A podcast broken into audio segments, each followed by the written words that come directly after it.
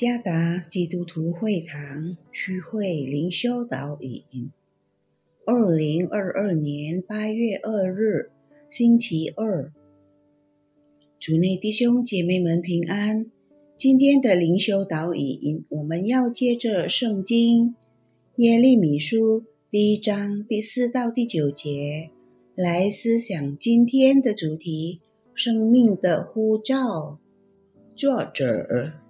陈顺安传道，耶利米书第一章第四到第九节，耶利米说：“耶和华的话临到我说，我未将你造在腹中，我已晓得你；你未出母胎，我已分别你为圣，我已派你做列国的先知。”我就说：“主耶和华，我不知怎样说，因为我是年幼的。”耶和华对我说：“你不要说我是年幼的，因为我差遣你到谁那里去，你都要去。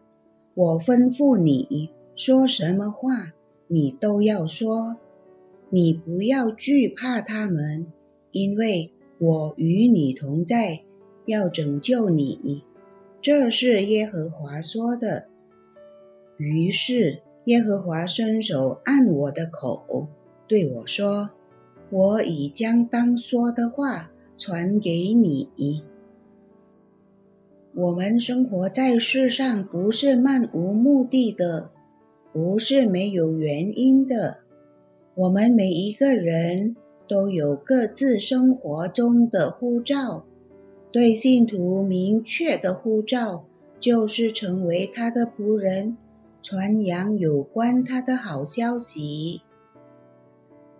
在今天的灵修经文，我们可以看到耶利米被上帝呼召与差遣来传讲审判。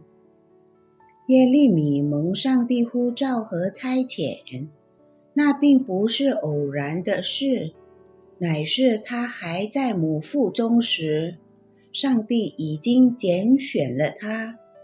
当他因为觉得自己还年幼，不擅长说话，而对履行他的呼召感到犹豫不决，上帝对他说。要他不要因为做他的使者而害怕，他时常与他同在。他的同在是透过上帝伸手按他的口，并把使者当说的话传给了他。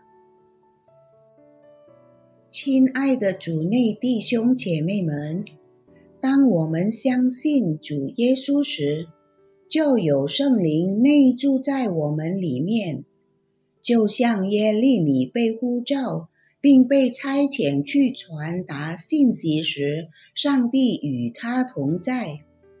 我们这些相信他并蒙呼召来传扬他好消息的人，也是如此。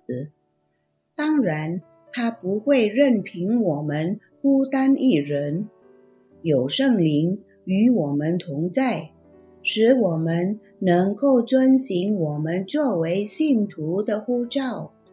因此，作为信徒，我们不必感到自卑，来履行我们生活的呼召，就是传扬他的好消息。每个信徒生命的呼召，就是传扬好消息。主耶稣赐福。